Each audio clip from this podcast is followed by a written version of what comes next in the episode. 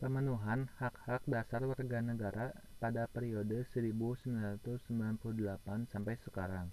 Pelaksanaan demokrasi di era reformasi ini yaitu pada tahun 1998 sampai sekarang ditandai dengan lengsetnya Soeharto, kemudian beralihnya pemerintahan ke B.J. Habibie sebagai Presiden ketiga Republik Indonesia.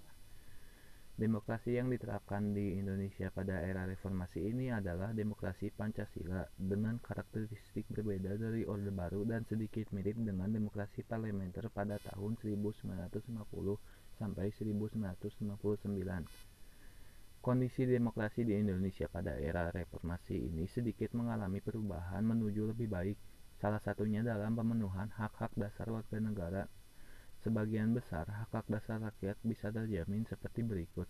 Yang pertama, adanya kebebasan menyatakan pendapat, seperti yang ada pada Undang-Undang Nomor 6 Tahun 1998. Maksudnya, satu, kemerdekaan menyampaikan pendapat adalah hak setiap warga negara untuk menyampaikan pikiran dengan lisan, tulisan, dan sebagainya secara bebas dan bertanggung jawab, sesuai dengan ketentuan peraturan.